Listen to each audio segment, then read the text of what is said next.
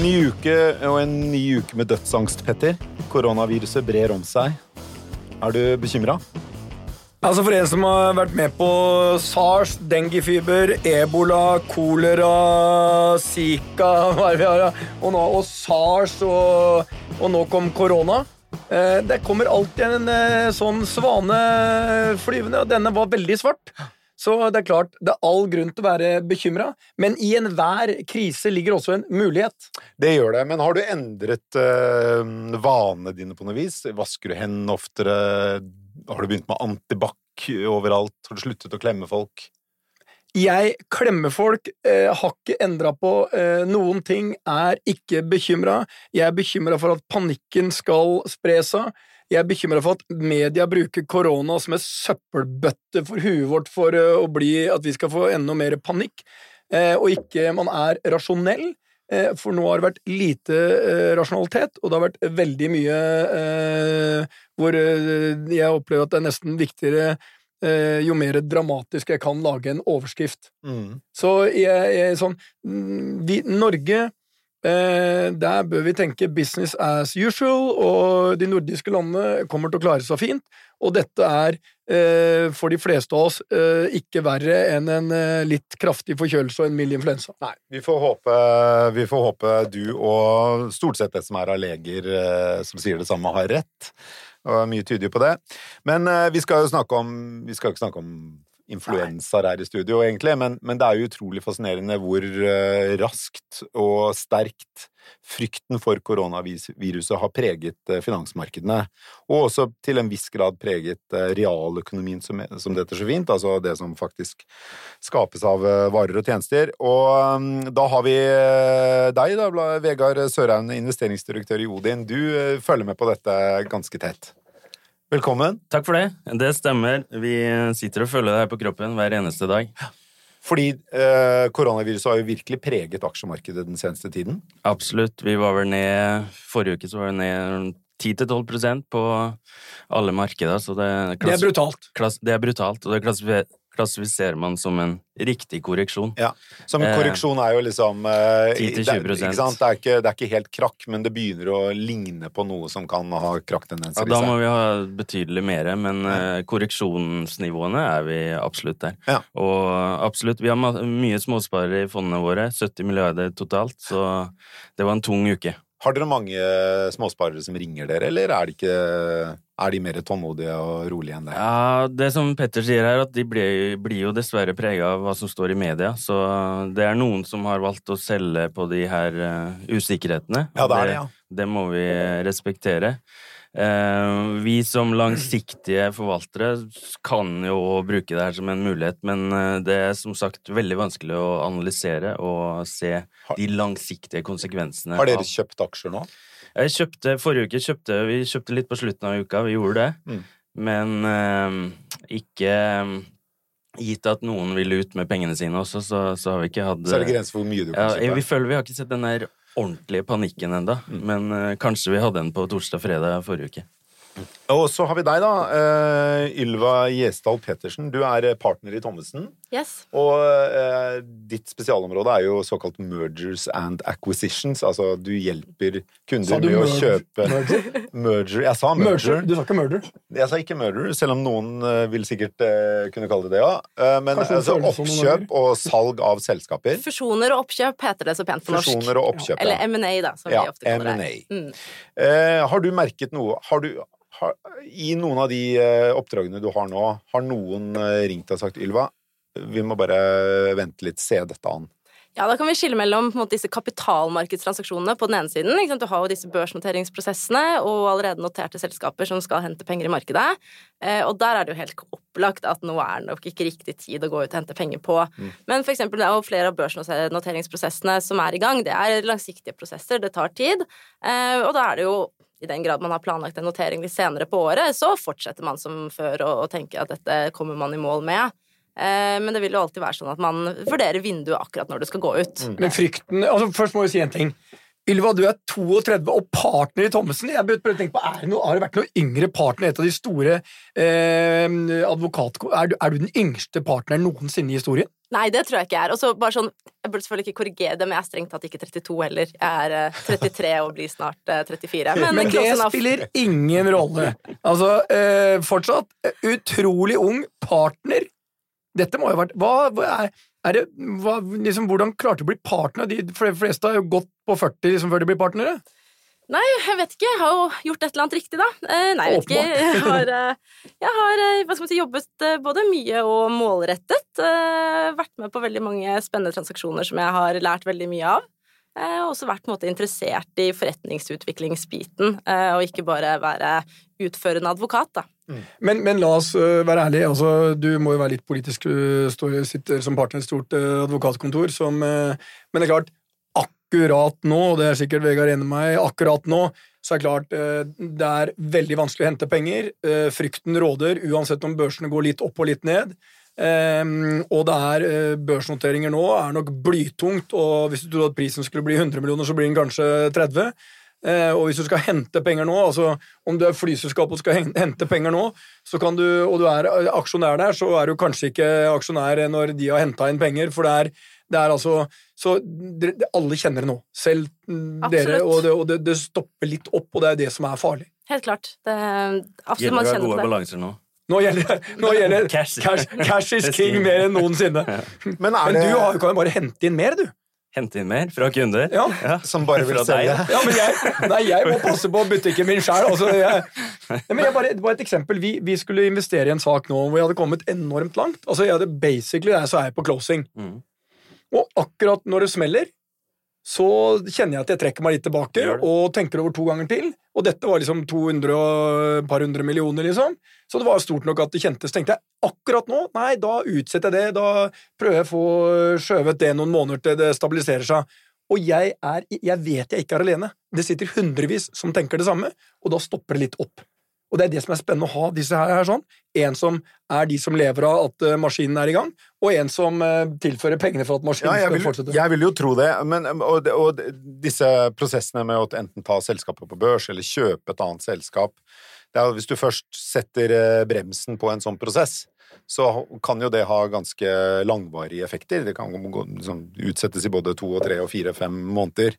Tror du vi vil se at hvis koronaviruset og frykten for at koronaviruset skal ha en realøkonomisk effekt eh, dabber av, at vi likevel vil se effekten av den i finansmarkedet i lengre tid? Eller eh, vil det ikke få noen langvarige effekter? Ja, sånn som vi ser på det, er jo når vi regner på et selskap Vi er jo veldig langsiktige når vi investerer i selskaper. Vi er ute etter den verdiskapningen som skjer i selskapene, gjerne på et femårsperspektiv, eller gjerne lenger. Vi har selskaper vi har eid i 15-20 år vi, i Odin. Eh, så det spørsmålet er om, om det her som skjer i det korte bildet, vil ha langsiktige økonomiske konsekvenser for økonomien eller for selskapene.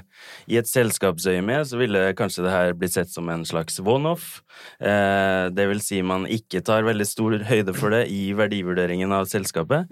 Spørsmålet er eh, om man gjør det samme på økonomien. Nå tror vi at det her vil få betydelige realøkonomiske effekter i spesielt første og andre kvartal. Dere tror det, ja? Ja, Mm. eh, fordi eh, det stoppes opp eh, rundt omkring der for å hindre smitten av korona. Og mange har Jeg jobber mye med Sverige og Stockholm, og det er mange konferanser som er eh, innstilt denne uka. Folk sitter hjemme som har vært på vinterferie i Nord-Italia. Det her vil ha effekt, men vil det ha en langsiktig effekt? Det er jo det store spørsmålet. Og det er jo det som avgjør om hva man legger inn i verdivurderingene her. Også et, i et M&A-synspunkt, tipper jeg. Ikke sant, og det er nettopp det er to viktige Hvis vi går over og ser mer på sånn private M&A, det er altså ikke ting som skjer over kapitalmarkedene, men uh, mellom unoterte selskaper, så er det jo nettopp disse to ulike poengene. Når man skal verdsette et selskap som man skal da selge eller kjøpe, så er det jo ofte naturlig å se på altså, hva skal man si, benchmarke prisingen opp mot noterte selskaper. Og når man ser på hvordan markedene er i dag, så gjør det ofte at selger og kjøper har veldig uh, ulike forventninger uh, om hvor man er på pris. Uh, og det andre aspektet er jo også nettopp det. Hva slags implikasjoner har måte, koronaviruset på eh, selskapet som skal selges? Altså Sliter de med leverandørene sine? Er det ting som faktisk går utover driften? Eh, for det kan jo også føre til at man får diskusjoner rundt verdsettelse, fremtidig inntjening. Eh, og det er en prisdiskusjon på en litt annen måte. Og Et tredje moment vil jeg tro er at de som er kjøper ofte, da, altså venturefond, og den type mm. PE-fond som, uh, som, har identifisert et selskap, de opplever kanskje at uh, tilgangen på kapital er dårligere enn før, sånn at de ønsker å trekke seg eller vil i hvert fall ha en vesentlig lavere pris. Det kan absolutt være. Vil, uh, ser dere tegn til det allerede? Det er litt vanskelig, altså, særlig innenfor altså, M&A så er det feil. Altså, vi ser ikke noe sånn kjempeeffekt av koronavirusfrykten så langt. Det, det er jo ofte prosesser som strekker seg litt ut i tid. Eh, så sånn sett så tror jeg vi må vente litt og se, egentlig, eh, den effekten det har på private M&A-markedet. Ja. Men bare, eh, Vegard, jeg kan jo ikke unngå å se Jeg har gjort det før. Sist jeg leste eh, et papir opp ned, var når jeg forhandlet Sten og Strøm 1992, men dette er da andre gangen. Og jeg ser på uh, høyresiden av papirhaugen til Vegard, så er det papir som det står 'History of Pandemics fra 1995 til 2020'. 35 år med elendighet beskrevet på én side. Ja. Så det er klart, når, når Vegard skal ut og investere, han har den på den ene siden. Og, og, og uttalelsen om at 2020 kommer til å bli et bra børsår Vi plukker opp alt du har sagt tidligere her. Tror du fortsatt 2020 blir et bra børsår? Vårt grunnsyn før vi gikk inn i det her, det her var jo som du sa en, en, en black swan, som var vanskelig å liksom forutse, men grunnsynet vårt fra i fjor Det som skjedde i første halvår i fjor, var jo at rentene fra der alle forventa at de skulle gå opp, til at de endra seg og begynte å gå ned. Så vårt grunnsyn siden da har vært at vi tror på lave renter lengre. Vi tror det er få alternativer til aksjer hvis man jager avkastning. Og vi så også tenkt at makro var i ferd med å snu i, før jul i fjor. Eh, de to første argumentene er jo eh, etter korona enda sterkere, fordi rentene faller jo nå som et lodd. Langrentene. Og Fed er ute på banen og sier det her skal vi komme oss ut gjennom. Den amerikanske sentralbanken. amerikanske sentralbanken. Flere sentralbanker kommer etter. Eh, så de vil jo prøve å stimulere det her. Men da er spørsmålet eh, vil det her bli frykt, etterspørsel, vil den forsvinne eller ikke? ikke sant? Men at makro har fått et, eh, en ordentlig skudd for bøgen, det, det, er det ikke noe tvil om. Men Hvilke vi, aksjer er det du ikke går inn i nå, uansett? uansett? vi er veldig forsiktige med selskaper som generelt har mye gjeld, og som er liksom avhengig av veldig kort momentum for å liksom komme seg gjennom. Så, så, vi gjør ikke noe annerledes i en sånn korreksjon enn det vi alltid gjør, og prøver å finne gode, solide selskaper med bra management som kan ha en langsiktig verdiskapning som vi kan eksponere kundene våre for. Men, men eh, kutter dere Jeg vet ikke om dere har investert noe i flyselskaper i Europa, f.eks.? Vi er veldig, veldig vi sliter vel kanskje med flyselskaper generelt, både i forhold til gjeld, mye gjeld, Eh, og også at eh, det er ganske lave inngangsbarrierer i flybransjen generelt sett. Mm. Selv om jeg jeg tror Petro kan starte et flyselskap i morgen. hvis Har eh, starta et for kort tid siden. Ja, Barry of Entrance, vi sier det. Det er veldig enkelt. Det er veldig enkelt. Du kan, bare ringe noen, Du kan, du kan ringe, du, det, det finnes fly over hele verden. Du kan leie både fly Du, Per, du kunne starta et flyselskap. Det er alltid Pers noen som Aviation. vil uh, starte et flyselskap ja, av en eller annen forunderlig grunn. Du kan, du kan leie både fly og mannskap og mat og ja. hele pakka mat, kanskje ikke leie, men altså så det er veldig enkelt. enkelt ja. Så vi prøver å finne selskaper som har større inngangsbarrierer, da. Og på en måte der eh, superprofitten er litt mer beskytta, hvis du skal kalle, kalle, det Men Vi har sett det også i, innenfor uh, oppdrettslaks, har jo blitt ganske hardt rammet av koronaviruset. Og ja. er det primært fordi en, et vekstmarked, Kina, slutter å kjøpe laks, eller er det også andre grunner til at eh, investorene nå frykter lakseaksjer, som de ikke gjorde for inntil ganske nylig. Men laks kan jo da gå under mat som relativt stabilt i en urolig verden, men eh, jeg tror alle som har eh, fulgt laks over de siste 10-15-20 årene, så er det en ganske syklisk industri der det er veldig kanskje få inngangsbarriere der også, hvis du ser bort fra fjoråret i Norge der du må ha konsesjoner. Men, men ja, det er en utfordrende sektor, så vi, vi karakteriserer den som en, en, syklisk sektor. Det vil si som svinger i, i sykler over tid. Så vi, vi, gikk ut av mye laks i fjor, eh, så får vi se om det blir rett på lang sikt eller ikke. Ylva, bare en interessant ting. Du jobber jo på eh, fusjoner eh, og oppkjøp og eh, det som heter M&A på fagspråket. Men dette som er fascinerende med advokatselskap som du jobber i, de blir jo på mange måter De, de, de er alltid i en sånn lykkelig situasjon. For når eh, M&A går ned, så går da eh, konkurser og restrukturering og alt det dere raketterer. Så du kan si det er like god business for Ylva om et selskap eh, skal hente penger eller gå konkurs. Nesten, da. Nei, ja, er nesten. Men det, det Eh, øker aktivitetsnivået voldsomt. Altså, vi trenger jo advokater mer enn noensinne i noen selskaper. Absolutt. Men eh, merker dere mitt spørsmål var, merker dere nå at det kommer en del selskaper som går til dere litt sånn proaktivt og sier vi er i ferd med å gå inn i en situasjon som kan bli krevende? Ja, absolutt. Vi opplever jo at veldig mange tar kontakt eh, for å nettopp diskutere den situasjonen de er i. Man så eksempel at i Kina så var det mange skipsverft eh, som stengte ned, eh, og det vil jo selvfølgelig få ringvirkninger både på eh, ja, selskaper som har skip under reparasjon eller under bestilling, og som igjen sant, får en sånn dominoeffekt på mange. Og da er det jo, eh, ringer de jo gjerne oss for å diskutere liksom, ok, hva slags beskyttelse har vi i kontraktene våre, og, og lignende temaer. Så vi hjelper jo veldig mange selskaper sånn på, på løpende opp mot korona. Vil du si at øh, hvis denne utvikler til å bli en pandemi, altså korona, er det en force majeure? Majeure. ja, Det er et veldig godt spørsmål. Det vil jo selvfølgelig variere veldig. Eh, Det blir en konkret helhetsvurdering i den enkelte sak, som vi advokater alltid liker å si. Så det er veldig vanskelig å svare generelt på det, altså. Men, eh, Men det er ganske nok- interessant hvis, hvis advokater begynner å si at dette er force majeure. Mm. eh, Så kan du få en del interessante Kan du forklare det, Petter? Ja, Det er altså hendelser som ikke vi har kontroll over, og som du kan claime da at jeg kan bryte en kontrakt basert på at det kom en hendelse som ingen kunne forutsett når jeg inngikk kontrakten. Det betyr i prinsippet eh, Det kan gå så langt som at hvis jeg har et hotell som er under bygging, og jeg har skrevet en kontrakt I de fleste kontrakter ligger en sånn force majeure-passus. Mm. Og hvis advokater begynner å definere dette som force majeure, så kan du få situasjoner som uh, får rekkefølgekonsekvenser som er ganske store. Mm.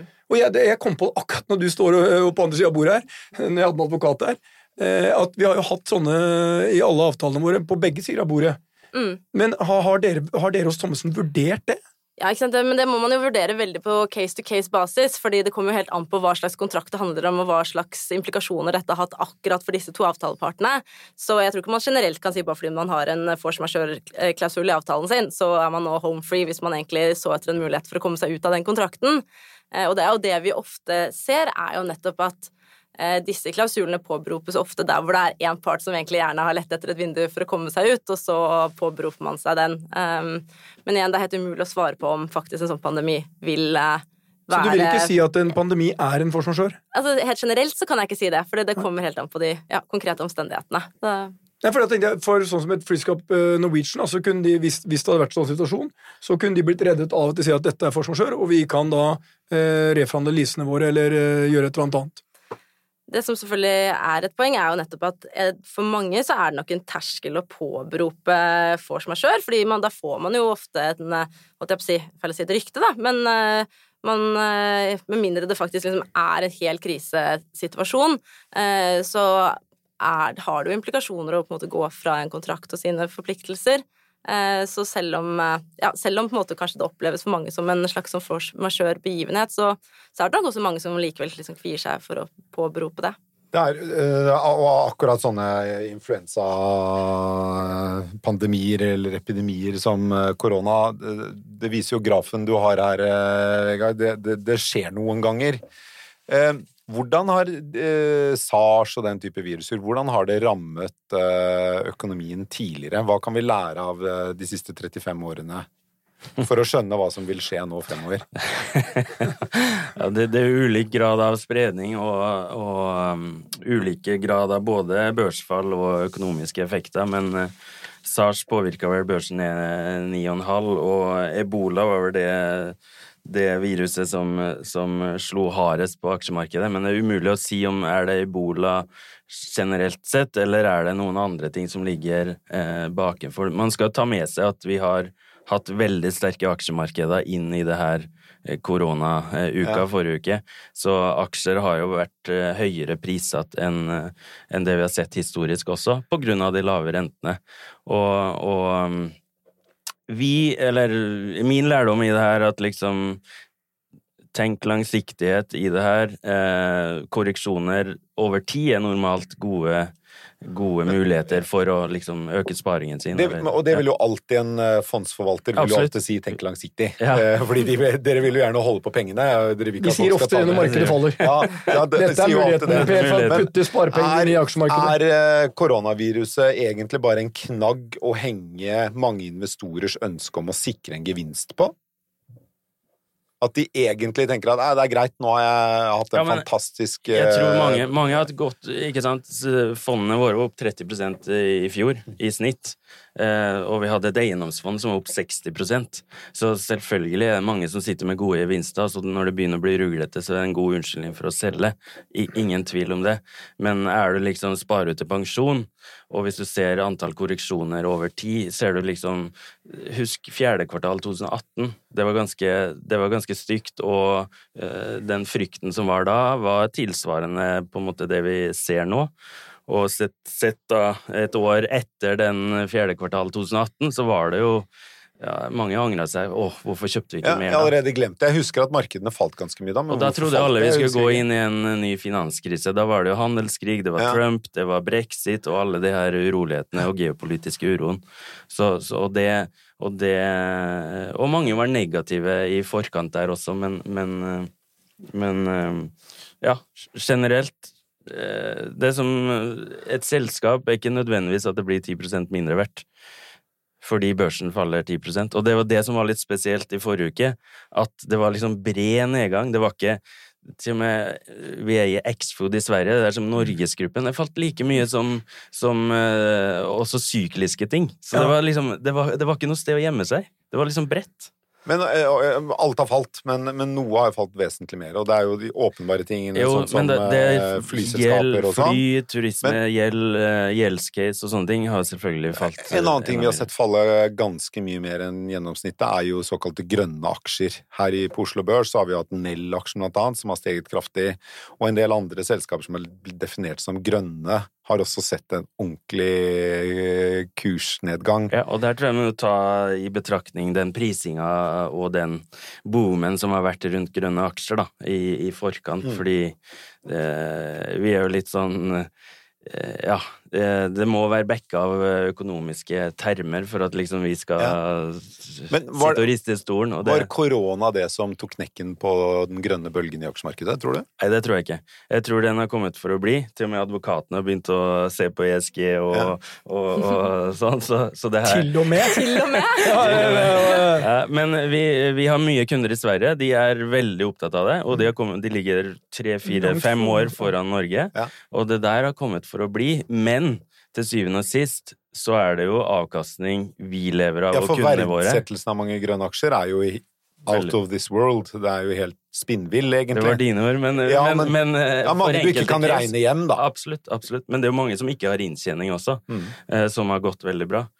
Og vi er nok litt, litt kjedelige, eller hva skal vi kalle det. Litt Hvor mye påvirkes du? Jeg så når du kom her i dag, så hadde du med analyse fra Var det Goldman Sachs? Jeg måtte, jeg måtte bare Jeg tipper du har lest de samme i jeg, jeg, både, har, jeg tror alle har lest både Goldman og BCG og McKinsey-analysen om korona. Hvor mye påvirkes du av den type liksom, vurderinger? For du blir jo ikke, du blir ikke noe glad på søndag når du blar gjennom de papirene. Du Nei. blir nervøs. Absolutt. absolutt. Men du, du tør å gå inn i markedet og kjøpe liksom, når du leser de greiene. Ja, men man, man er litt sånn Jeg tror for å en gjøre det bra som forvalter, da, så må du tørre å stikke ut fra mengden. For gjør du som mengden, så blir det average, og det lever vi ikke bra på. Bare død fisker svømmer med med Så- strømmen. Men jeg, ikke, jeg går ikke mot markedet bare for å gå imot markedet. Jeg, jeg må liksom øh, Men det er ikke sånn at jeg går all in på det, Petter. Det er jo mer at man, man uh, bruker det som en kjenne må- i magen og For jeg må, jo, jeg må jo bare innrømme at eh, alle de der som sier at jeg er best i motgang, jeg er best når markedet krasjer. Jeg føler at jeg, har aldri vært god når det krasjer. Eh, Jeg prøver i beste fall å passe på de tingene jeg har, og eh, ta med i aftenbønnen at eh, dette måtte gå over. Men eh, Ylva, når du sitter eh, i den situasjonen du er, er det mye prat på kontoret hos Thommessen om det som skjer? Eller er, eller er sånn, hva er temaet på frokosten i Thommessen eller lunsjen? Nei, altså alle er jo opptatt av koronaviruset, helt klart. Fordi det, det, jo, det har jo implikasjoner på forskjellige ting. Og hos oss, og vi er jo liksom et sånn fullservicefirma som jobber med veldig mye forskjellige. Fullservice advokatfirma betyr altså at dere gjør alt. alt eh, Dere som- serverer både frokost, innenfor- lunsj og middag. Alt som har med forre- forretningsjus å gjøre, da. Eh, Men det er nettopp de som jobber mer med hva skal man si, de løpende utfordringene som koronaviruset har. Eh, Og på, oppe i min avdeling så er det jo nettopp hvilken implikasjon har det for kapitalmarkedsaktiviteten, M&A-aktiviteten, og de som jobber med gjeldssiden, har de samme utfordringene. Så man, man ser jo ser på det fra litt forskjellige ståsteder, men for all del, det, det innvirker på, på mye av det vi gjør. Og vi ser også at Eh, ja, flere klienter ønsker at vi skal komme og nettopp ha foredrag og snakke nettopp om eh, implikasjonene.